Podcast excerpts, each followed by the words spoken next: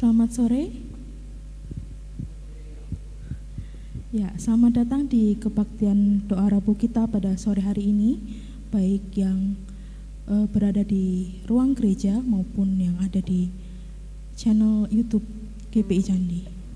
Mari saya mengundang waktu Bapak Ibu Saudara untuk bersaat teduh sejenak mengucap syukur untuk kebaikan Tuhan sepanjang hari ini.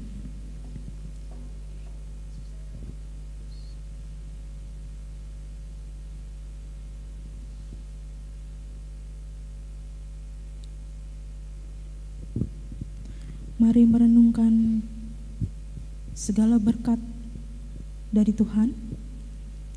Karena kemurahannya lah kita boleh ada sampai saat ini. Kita diberikan kesehatan, kekuatan yang daripada Tuhan. Mari kita memuji Tuhan berkat kemurahan-Mu.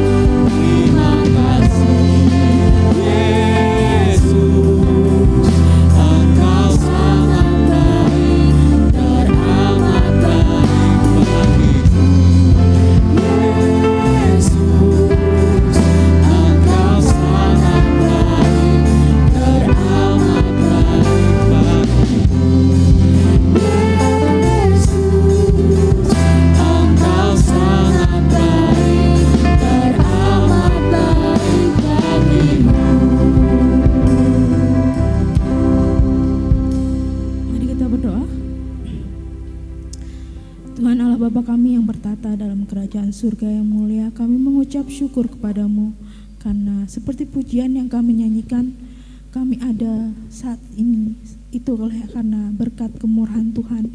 Kami menyerahkan tangan kuasamu Tuhan, sembah dan bakti kami, doa-doa kami, biarlah Tuhan mendengar dan menjadi dupa yang harum bagi kemuliaan nama Tuhan. Berkati setiap dari kami ya Tuhan supaya sembah dan bakti kami hanya tertuju kepadamu dan bukan karena uh, ada hal yang lain ya Tuhan. Biarlah kami murni menyembah Engkau dan biarlah kami boleh bertemu dengan Engkau terbangunkan kehidupan rohani kami ketika kami bersekutu bersama-sama. Dan hanya dalam nama Tuhan Yesus Kristus ya Tuhan, anakmu berdoa. Amin.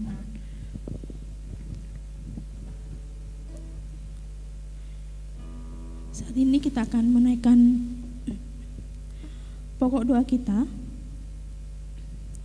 Kita akan berdoa untuk bangsa dan negara kita dan juga untuk retret hamba Tuhan. Yang pertama untuk bangsa dan negara kita, untuk para pemimpin, lalu pemilu di tahun 2024 tahun depan dan juga bencana alam yang terjadi di Indonesia, lalu e, seperti korban gempa, lalu banjir juga di berbagai daerah dan e, gempa bumi, gunung berapi dan longsor. Lalu juga kita berdoa untuk para korban PHK. Kita tahu bahwa dunia sedang mengalami krisis dan inflasi terus terjadi, tetapi kita percaya bahwa Tuhan akan memelihara dan kita juga berdoa untuk para korban PHK supaya secepatnya mendapatkan pekerjaan. Lalu kita juga berdoa untuk resesi dunia dan juga keamanan negara dari ancaman terorisme. Lalu kita juga berdoa untuk hamba Tuhan, retret hamba Tuhan dan gembala sidang GGBI pada tanggal 7 sampai dengan 10 Februari 2023 di WRB Salatiga supaya Tuhan menolong acara yang sedang berjalan. Kita akan berdoa bersama-sama lalu saya akan mengaminkan. Mari kita berdoa.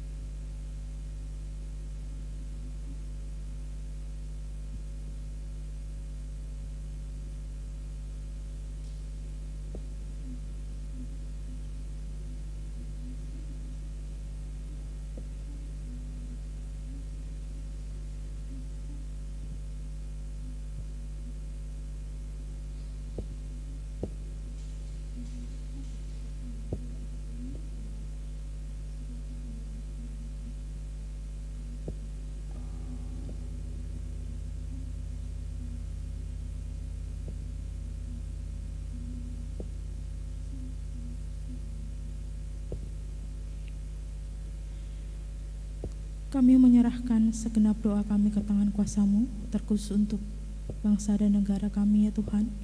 Kami mohon ke tangan kuasamu setiap pemimpin bangsa kami.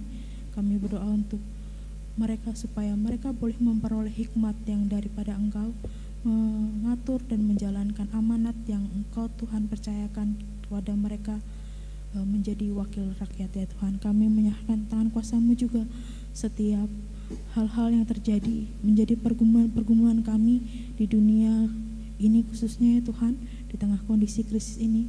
Tuhan belah limpahan karunia daripada Engkau penyertaan dan damai sejahtera Engkau terus nyata dalam kehidupan setiap dari anak-anakmu kami hendak tangan kuasamu juga bagi mereka yang mengalami bencana menjadi korban. Bela Tuhan yang menolong memberikan sukacita dan damai sejahtera bagi mereka. Kami berdoa juga untuk retret biarlah Tuhan hamba-hamba Tuhan ini semakin diperbaharui mendapatkan penjet, penyegaran ya Tuhan dan boleh diperbaharukan kembali ketika mereka kembali ke tempat pelayan mereka masing-masing boleh mempunyai semangat yang baru untuk melayani Engkau. Kami ke tangan kuasamu doa ini ya Tuhan. Dalam nama Tuhan Yesus Kristus yang berdoa. Amin.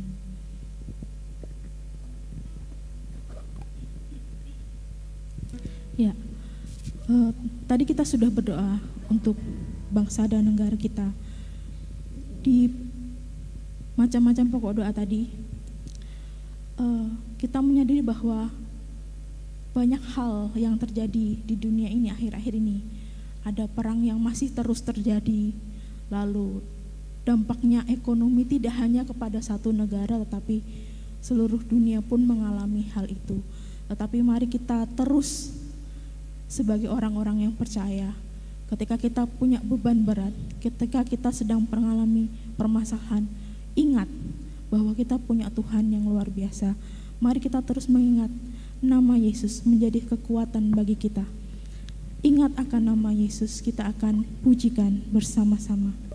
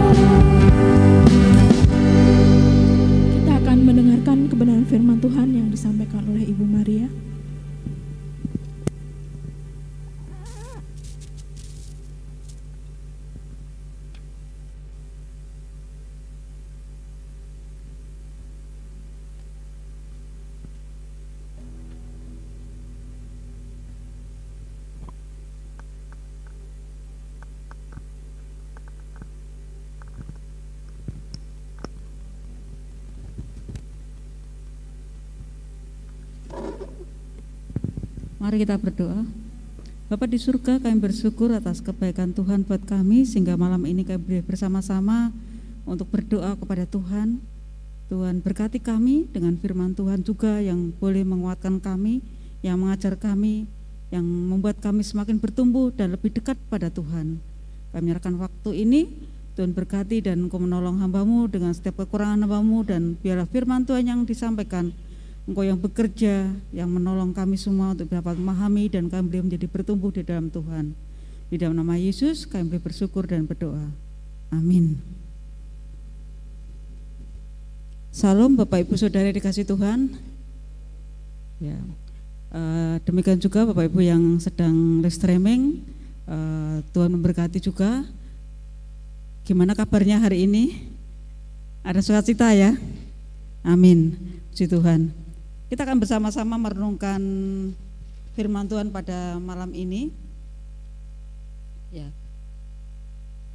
Beberapa tahun ini uh, saya merasa bahwa di dunia ini sedang musim badai, yang musim badai ya. Bergantian terus menerus, apalagi juga di Indonesia. Indonesia dan itu membuat juga banyak orang bersedih, banyak orang tidak bersemangat, banyak orang sedang berjuang bagaimana untuk hari depannya. Uh, pada malam ini, khususnya dalam bulan Februari ini tentang tema gereja berpengalaman dengan kuasa dan kemuliaannya yang diambil dari Kolose 1 ayat 11 ini uh, akan menolong kita supaya kita memiliki pengalaman yang luar biasa di hadapan Tuhan dan kita juga sanggup menghadapi hari-hari depan kita dengan iman kepada Tuhan. Kita berkualitas ya, kita dekat dengan Tuhan. Saya percaya orang yang dekat dengan Tuhan apa pun badai yang terjadi di dunia ini pasti selamat. Amin. Amin ya.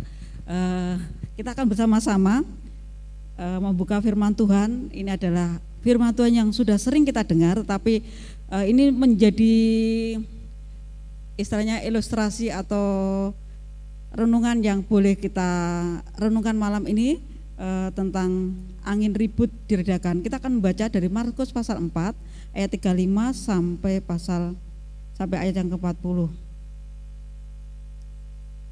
Ya, sampai 41 ya. Saya akan menang membacakannya.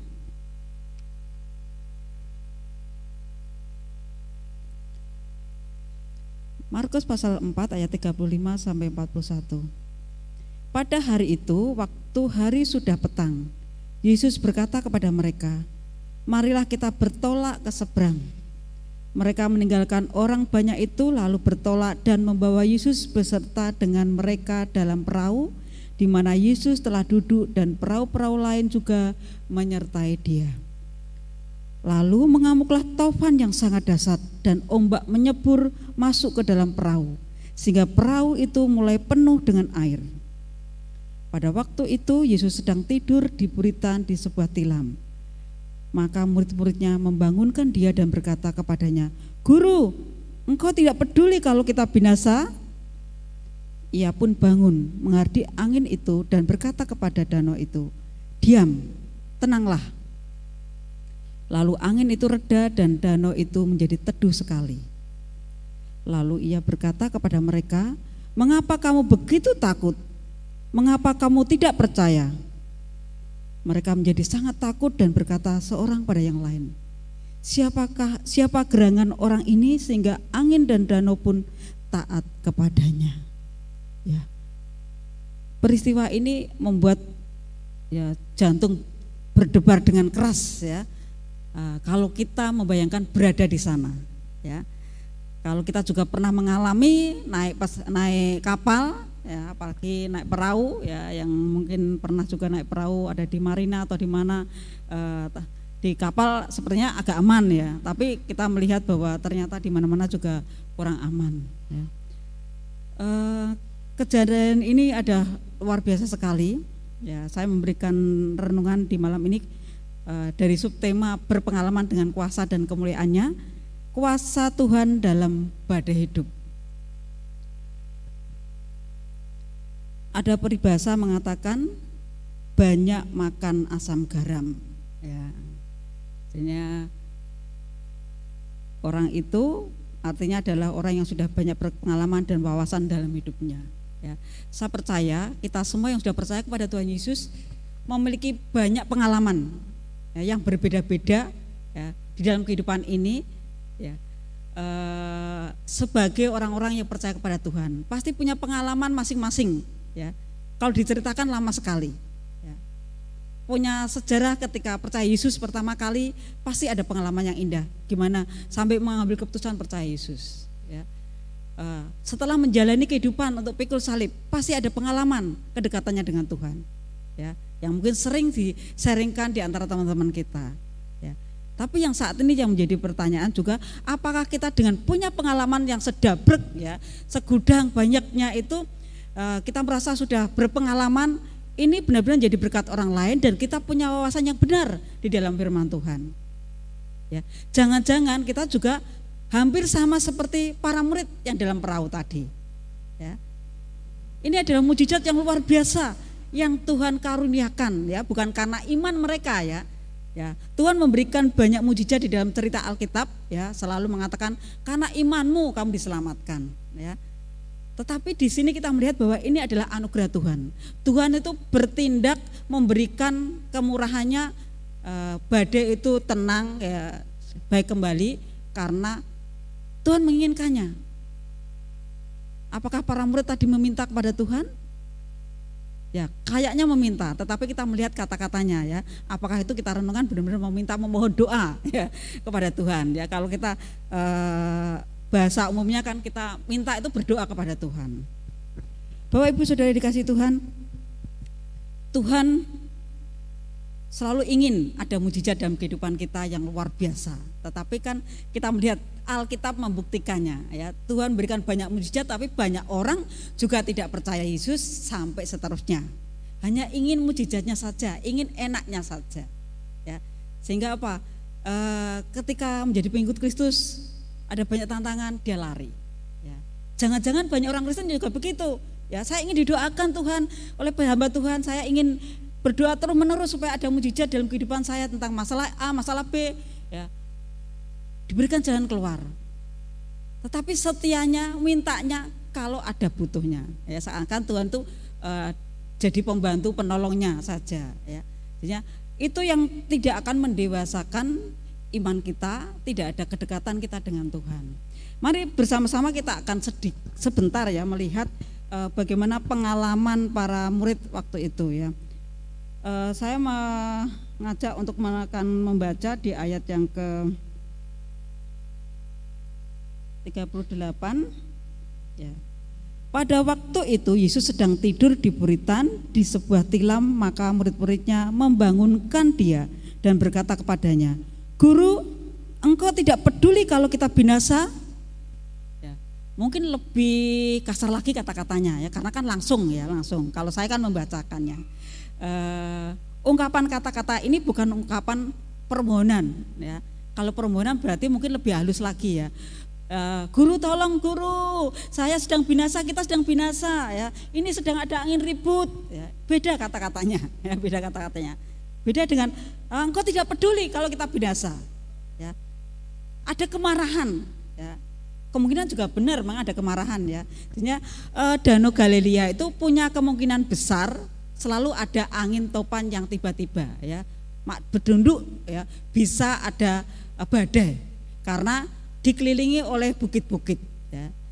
dan para murid ini adalah nelayan yang punya pengalaman untuk ya mencari ikan dan hidupnya di perahu seharian berarti hafal dan juga tahu cara mengatasinya tetapi saat itu memang sudah finish ya tidak bisa uh, dibantu ya dan itu mungkin menjadi pengalaman yang terindah yang Allah berikan pada mereka supaya melihat kebesaran Tuhan, kekuasaan Tuhan, kemuliaan Tuhan di dalam kehidupan para murid. Ya, pengajaran bagi mereka. Ya. Kalau orang berpengalaman di laut naik perahu sudah jadi penjala ikan, saya percaya pasti dia sudah uh, mudah untuk mencari solusi ketika ada masalah tentang angin badai dan topan ya di lautan. Tapi kali ini kita melihat bahwa mereka sudah pasrah. Sehingga apa? Mungkin ya karena melihat kok Yesus itu tiduran ya, tiduran. Di situ enak-enakan kita itu sedang uh, ketakutan ya. Jantungnya hampir copot, ya sudah ke sana ke sini lari untuk membetulkan ya. Macam-macam kok nggak bisa juga masih uh, mau mau tenggelam ya. Ada kemarahan sehingga ada perkataan seperti itu. Padahal kita lihat mereka itu berada satu perahu ya di, dengan Tuhan Yesus. Bagaimana kalau hal itu terjadi mereka tidak ada bersama Tuhan Yesus? Ya, mereka bisa mati juga ya, juga. Tapi saya tidak tahu, itu kan andekan ya. Tapi kali ini menjadi pembelajaran bagi kita semua orang percaya eh, cerita yang sudah sering kita dengarkan, apakah ini juga eh, jadi gambaran dalam kehidupan kita, mengingatkan kita semua ya. Bahwa para murid waktu itu ya karena ada badai dalam kehidupannya eh, dalam perjalanannya dia emosi ya. Dia takut ya. Dia cemas ketakutan yang lebih ya. Mungkin ketakutan luar biasa ya. Saya tidak bisa bayangkan memang wajar ketakutan seperti itu. Hampir mati ya. Sudah e, karena mau tenggelam ya tenggelam. Sampai sepertinya seperti itu ya. Menguasai ketakutan kecemasan ya. Menguasai kekhawatiran menguasai nanti kalau saya mati dan sebagainya. Sehingga sampai lupa dengan orang yang memiliki segalanya dalam kehidupannya ada di situ ya. Karena apa dimakan oleh ketakutan ya pikirannya itu ketakutan ya kekhawatiran kecemasan yang ada. Dan kita lihat kesan dari Tuhan Yesus itu di ayat yang selanjutnya ya mengapa engkau begitu takut? Mengapa engkau tidak percaya? Ya ternyata sambungan dari ketakutan itu adalah buntutnya dari orang yang tidak percaya orang yang tidak beriman kepada Tuhan. Ya, mereka sudah bersama-sama loh tapi nyata buktinya begitu ya sampai ya dia berkata kepada Tuhan mengapa engkau tidak peduli Tuhan ya menyalahkan Tuhan ini sedang susah saya sudah mau mati sekarat. Kok tidak ditolong malah tidur. Beda beda dengan kalimat kalau kita memohon seperti yang tadi saya ungkapkan ya. Tapi kenyataan mereka memang secara emosional tidak bisa mengendalikan diri karena beban atau masalah yang dialaminya sehingga ada kemarahan dengan Yesus tidak meminta malah menyalahkan Tuhan. Itu adalah ciri-ciri khas, ciri-cirinya yang dilakukan itu adalah orang tidak beriman orang yang dimakan ketakutan ya jadi secara logika secara manusia memang oke okay, mau mati seperti itu oke okay, e, memang bisa dimengerti tetapi iman itu bisa mengalahkan segalanya ya karena iman itu yang jadi solusi bagi mereka ketika ada di dalam kesulitan ya siapa yang tolong ya perahu sebelahnya mungkin juga sedang ada masalah yang menghadapi kesulitan tapi ternyata hanya Yesus yang sanggup ya. Tuhan hanya mengatakan diam, tenanglah. Semuanya jadi diam dan tenang. Ya. Bapak Ibu sudah yang dikasih Tuhan, pengalaman yang berarti sekali di dalam Alkitab ditulis ya para murid waktu itu berarti juga bagi kita semua orang percaya bahwa segalanya itu ada di tangan Tuhan. Ya. Tuhan mengendaki ada COVID, mengendaki ada gempa, ada ini. Ya, pasti Tuhan punya rencana yang baik. Seandainya ya ada banyak orang percaya itu mati karena COVID, ya mati karena ada gempa dan apa. Saya jelaskan dia tetap percaya sama Tuhan, ya. Jadi karena iman itu eh, yang kita miliki bukan menyelamatkan kita itu untuk terus tinggal di dunia ini terus menerus, ya. Dan kita lewat, misalnya ada saudara kita yang meninggal, ya saudara kita mati, sakit langsung mati. Tidak berarti kalau kita punya iman terus sehat terus hidup. Enggak begitu kan Tuhan tidak berjanji seperti itu ya. Tapi eh, yang jelas kita ini tetap memiliki ta, tahu tentang maksud Tuhan ya maksud Tuhan di balik semuanya itu. Sehingga eh, memahami menerima apa yang Tuhan inginkan ya. Karena kan memang kita juga sudah ditulis di Alkitab bahwa manusia itu tidak akan e, dikatakan bahwa tidak akan hidup selamanya di dunia ini. Sudah disiapkan ada surga ya. Di sini sementara saja. Jadi kalau misalnya kita hanya menuntut berkat, menuntut kebaikan-kebaikan, berarti kita itu kan e, mintanya hal yang baik saja. Ya. Ternyata hal-hal yang e, menyusahkan para murid itu mengajar kepada mereka, melihat saat itu mereka melihat ya di ayat yang terakhir dikatakan di situ ya Ya, coba saya bacakan 41. Mereka menjadi sangat takut dan berkata seorang pada yang lain, siapakah siapa gerangan orang ini sehingga angin dan danau pun taat kepadanya. Ya. Dia takut takut karena kemuliaan dan kekuasaan Tuhan ya, bukan takut seperti kemarin, eh seperti tadi di atas yang takut dengan kematian dengan badai yang ada.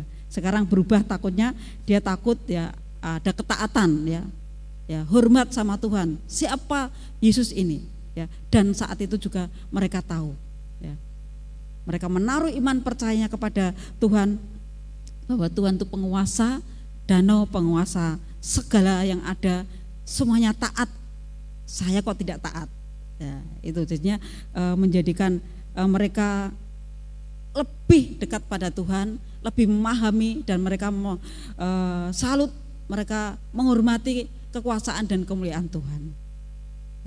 Dan ini membawa pertumbuhan dan kita melihat bahwa untuk selanjutnya para murid juga semakin setia, semakin mengerti, e, tidak hanya memahami bahwa Yesus itu hanya seorang guru saja, tapi dia adalah Allah ya, dalam kehidupannya.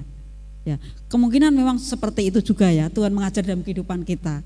Ya, dengan masalah yang ada itu supaya Tuhan itu menunjukkan ada mujizat yang terjadi itu supaya apa? Melihat kuasa Tuhan, melihat bahwa Allah itu benar-benar Tuhan. Ya Yesus itu benar-benar Allah di dalam kehidupan kita.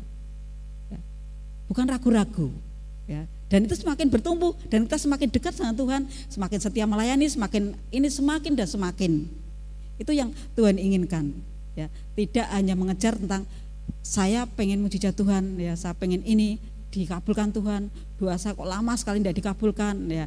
Uh, ungkapan dari para murid itu bisa juga menjadi apa ya keluhan para anak-anak Tuhan ya mungkin ya.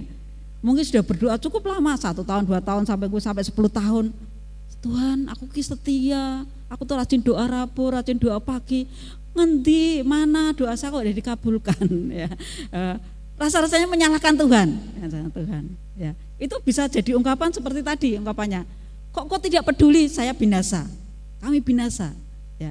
Dan ini mari kita juga akan apa ya evaluasi ketika kita merasa bahwa saya benar ya Tuhan itu yang salah kok Tuhan tidak peduli sama saya nggak jawab-jawab doa saya ya ya ini jadi refleksi juga kita dan mari bersama-sama ketika kita melihat pengajaran yang Tuhan berikan di dalam kehidupan kita ya dengan berbagai masalah yang terjadi ya sama seperti para murid waktu itu ya mereka menghadapi badai mereka mendapatkan pelajaran yang berharga dalam hidup mereka. Mereka memiliki iman yang kuat ya. Mereka tadinya takut, tidak percaya. Akhirnya mereka percaya kepada Tuhan seutuhnya bahwa Yesus adalah Tuhan. Ya. Apa yang di dunia ini taat pada Dia. Mengapa manusia tidak mentaati? Mengapa tidak beriman pada Dia yang sanggup memberikan kehidupan? Bapak Ibu Saudara dikasih Tuhan, eh, mari bersama-sama saya percaya eh, kata-kata badai itu pasti berlalu ya. Itu menjadi pepatah bagi banyak orang. Lah kita ini orang-orang yang percaya Yesus yang memiliki semuanya. Apa kita tidak percaya? Pasti lebih daripada itu harus percaya. Ya, di dalam Yesus ya.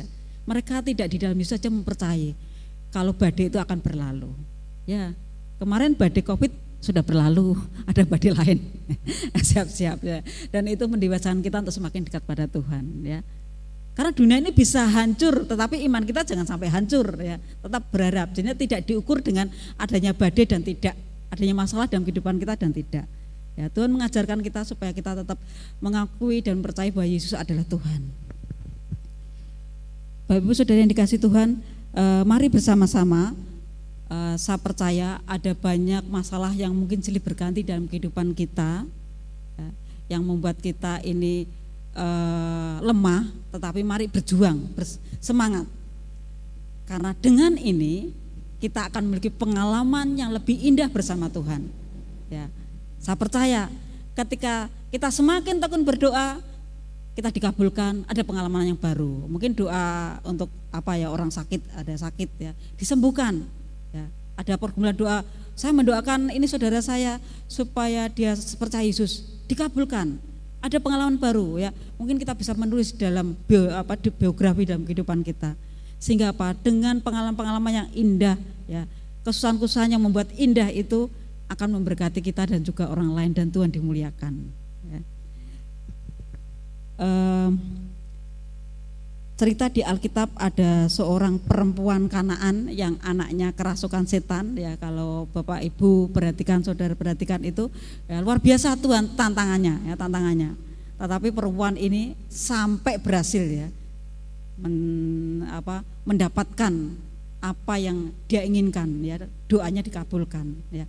E, berjuangnya itu harusnya seperti ini ya, seperti ini seperti perempuan ini yang tidak pantas menurut Yesus karena dia bukan orang Yahudi ya e, kok kamu tuh minta sama saya ya. Jadinya bukan golongannya tapi ternyata Tuhan kabulkan juga ya. Karena berjuang keras ya, untuk bisa mendapatkan kasih dari Yesus ya. Kita sudah menjadi milik Tuhan sudah dikasih Tuhan. Uh, apa pun juga masalah yang kita hadapi, mari jangan putus asa ya. Mungkin ada masalah uh, bisnisnya kurang baik ya, ada pekerjaannya kurang baik ataupun masa depan kita ada masalah-masalah yang uh, kita alami, mari ya. Tuhan ingin supaya kita memiliki pengalaman yang berarti. Kita boleh menikmati kuasa dan kemuliaannya. Mari jangan takut ya ketika badai atau masalah yang menegangkan mungkin lebih menegangkan daripada uh, para murid yang ada di dalam perahu tadi, ya. Mari ingat bahwa Yesus itu ada dalam hati kita, ada di perahu itu yang sudah kita undang dan perahu kehidupan kita. Ya, jangan seperti para murid yang menganggap bahwa Yesus itu tidak peduli. Ya. Kalau mungkin Tuhan mengizinkan kesusahan itu kita rasakan, pasti Tuhan menguatkan kita. Amin. Dan kita diberikan kelulusan untuk menghadapinya. Ya. E, lagu yang ya, saya nggak akan menyanyikan Mas Franklin, ya, cancel saja e, tentang tidak Tuhan e, jangan pernah menyerah ya. Tuhan itu tidak pernah janji ya memberikan hal yang baik ya. Dikatakan dalam lagu itu kan e, langit selalu biru ya, e, jalan selalu rata. Saya tertarik dengan refnya itu ya. Jangan pernah menyerah Jangan berputus asa. Mujizat Tuhan ada bagi yang setia dan percaya. Ya, itu maksudnya uh, kalau mujizat itu belum terjadi, mungkin kita belum setia. Ya, mungkin kita tidak menyembah, hanya ingin memuaskan keinginan saya, keinginan kita. Ya, mari bersama-sama, saya percaya Tuhan pasti memberikan uh, pertolongan jalan keluar berikan pengalaman yang indah ketika kita menghadapi kesulitan-kesulitan hidup dan kita bisa melaluinya dan ada mujizat yang terjadi. Ya, mujizat itu bukan karena ini saja ya, misalnya orang sakit terus disembuhkan. Ya, mungkin orang itu nggak sembuh-sembuh, tapi kita bisa melihat bahwa mujizatnya kok saya diberikan kekuatan, kok saya diberikan biaya untuk bisa uh, hidup ya, dan sebagainya. Ya mungkin ada hal-hal lain yang perlu kita syukuri dan kita harus uh, melihat bahwa kasih Tuhan itu sungguh besar dalam kehidupan kita. Ya, mari bersama-sama berpengalaman dengan Tuhan. Kita tetap setia, jangan pernah menyerah bahwa kuasa Tuhan selalu ada pada kita. Tuhan itu sudah ada dalam uh, hidup kita. Tuhan pasti melindungi dan menaungi kita. Mari kita bersyukur dan berdoa. Tuhan Yesus kami percaya penuh pada kuasa Engkau dan kami menyerahkan hidup kami, permasalahan kami yang kami hadapi sekarang ini. Apa pun juga setiap anak-anakmu yang saat ini hadir, setiap dalam doa kami taruh setiap beban hidup kami. Masalah keluarga, masalah pekerjaan, masalah pendidikan, masalah masa depan. Oh Tuhan Engkau maha kasih dan Engkau maha uh, kasih, maha peduli kepada kami. Engkau akan menolong kami, memberikan kekuatan kami dan kami terus bersemangat dan Tuhan memberikan jalan keluar bagi hidup kami. Hanya di dalam nama Yesus Kristus Allah kami yang hidup. Kami bersyukur atas firman Tuhan saat ini dan kami percaya bahwa kemurahan Tuhan memberkati setiap doa-doa kami. Haleluya. Amin. Terima kasih Tuhan memberkati kita semua.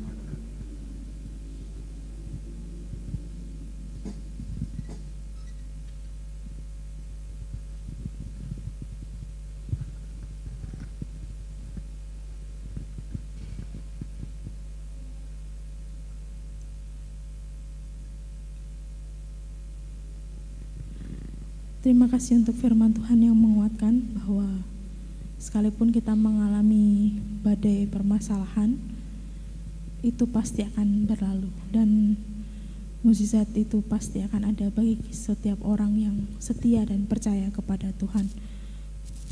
Kita akan menaikkan doa-doa kita.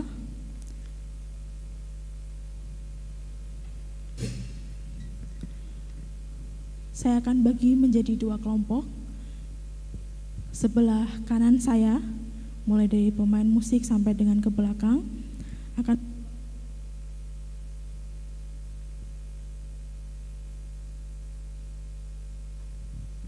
akan berdoa untuk GGBI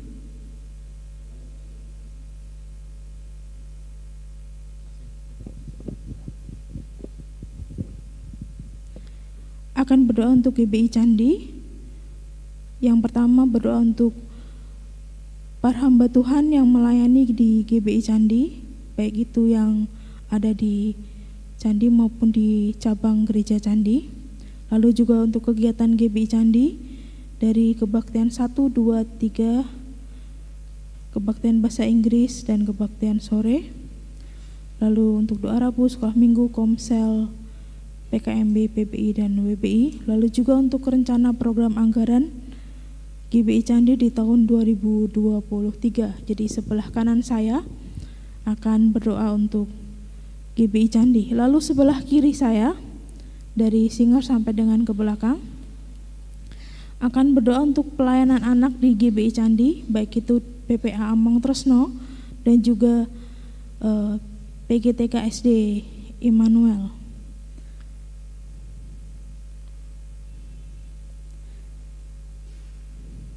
Kita akan menaikkan pujian terlebih dahulu sebelum kita menaikkan doa kita.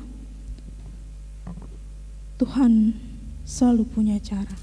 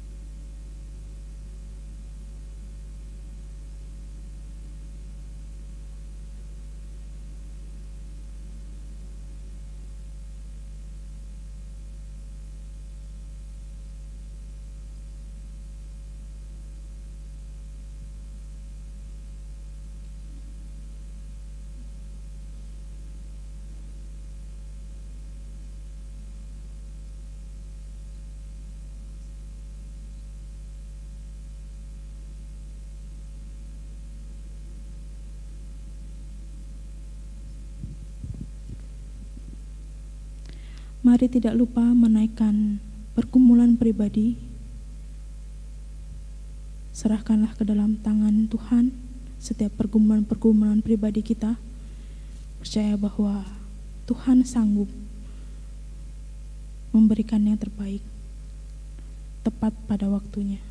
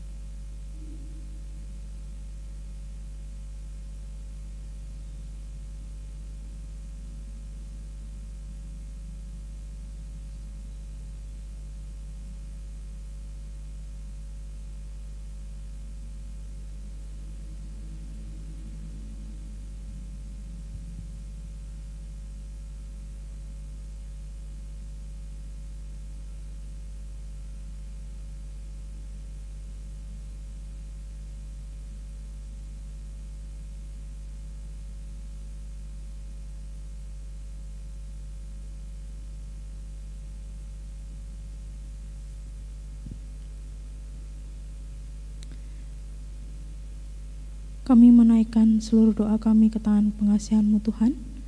Kami percaya bahwa Engkau Allah yang sungguh-sungguh peduli terhadap seluruh kehidupan anak-anak-Mu. Kami percaya Engkau akan memberikan yang terbaik kepada setiap doa kami, jawaban doa kami, tepat pada waktunya sesuai dengan rancangan-Mu dalam kehidupan kami. Bantu kami untuk terus percaya kepadamu, berpegang hanya kepadamu ya Tuhan, dan tidak mengandalkan diri kami sendiri dan pengertian kami, tapi kami boleh setia kepadamu ya Tuhan. Sehingga ketika engkau datang ya Tuhan kami didapati engkau setia sampai pada akhirnya. Kami hendak tangan kuasamu Tuhan. Setiap doa kami dan hanya dalam nama Tuhan Yesus Kristus yang berdoa. Amin. Ya. Saya undang Bapak Ibu Saudara untuk bangkit berdiri. Kita akan mengakhiri doa kita kebaktian doa kita Kita akan menaikkan untuk doa untuk kehidupan Jemaat KPI Candi, pekerjaan studi dan juga kesehatan. Dimohon Ibu Maria akan menolong dalam doa untuk kehidupan KPI Candi dan doa penutup.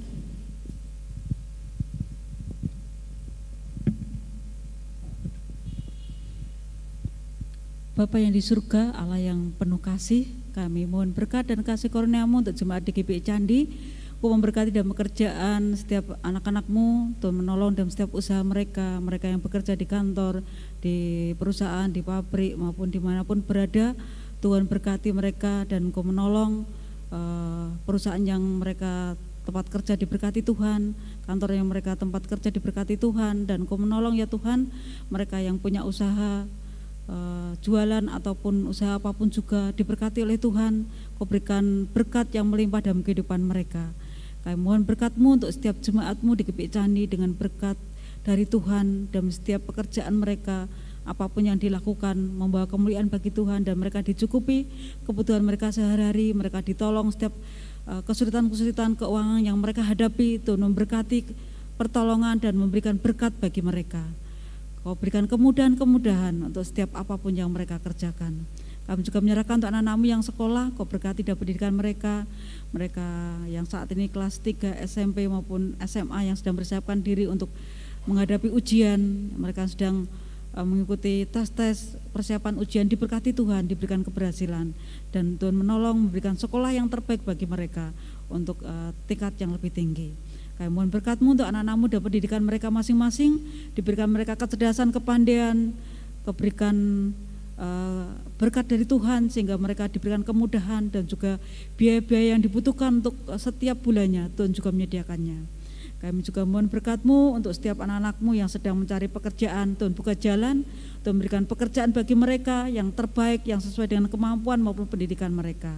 Tuhan buka jalan dan berkati setiap lamaran yang mereka buat mendapatkan panggilan yang terbaik bagi anak-anakmu ini. Demikian juga mereka sedang cari jodoh, Tuhan menyediakan teman seiman yang mengasihi Tuhan, yang dikasih eh, sama-sama mencintai dan kau memberikan yang terbaik dalam kehidupan mereka. Kami juga menyerahkan para lansia dalam kasih-kasih kuasa Tuhan. Engkau memberkati mereka sukacita, damai, memberkati dalam masa uh, tuanya ini dengan sukacita yang dari Tuhan. Mereka diberkati dalam kehidupan mereka dan engkau menolong uh, saudara kami lansia yang sedang sakit menjamah dan memberkati mereka, memberikan kesabaran dan kekuatan kepada mereka. Kau juga berkati ya Tuhan untuk teman-teman kami yang saat ini juga sedang sakit, Kau menolong dan menjamah untuk saudara Hosea, saudara Ivan pemulihannya, Kau berkati untuk uh, Ananda Gibran, Kau berkati kesembuhan dan pertolongan dari Tuhan, kami menyerahkan untuk Bu Arwati, Bu Rusmin, kami menyerahkan kepadamu untuk Bu Kuntarso, kami menyerahkan untuk Bu Ani Dawe dan juga teman-teman kami yang lain yang sedang sakit. Oh Tuhan, kasih Tuhan menjamah dan mujizat Tuhan beri terjadi atas mereka. Mereka tetap uh, selalu bisa memuliakan Tuhan meskipun dalam keadaan sakit. Kau berkati mereka. Terima kasih Tuhan Yesus, Engkau sungguh baik dan mengasihi kami.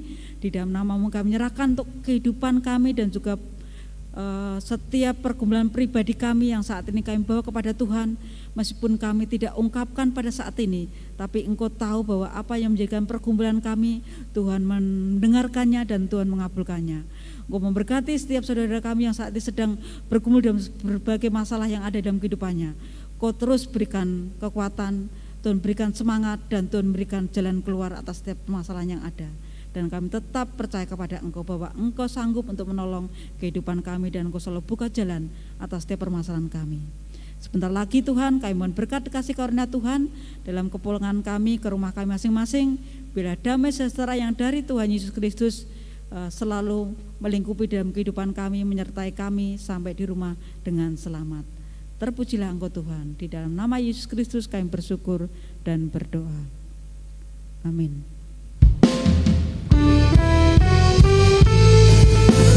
Berpengalaman dengan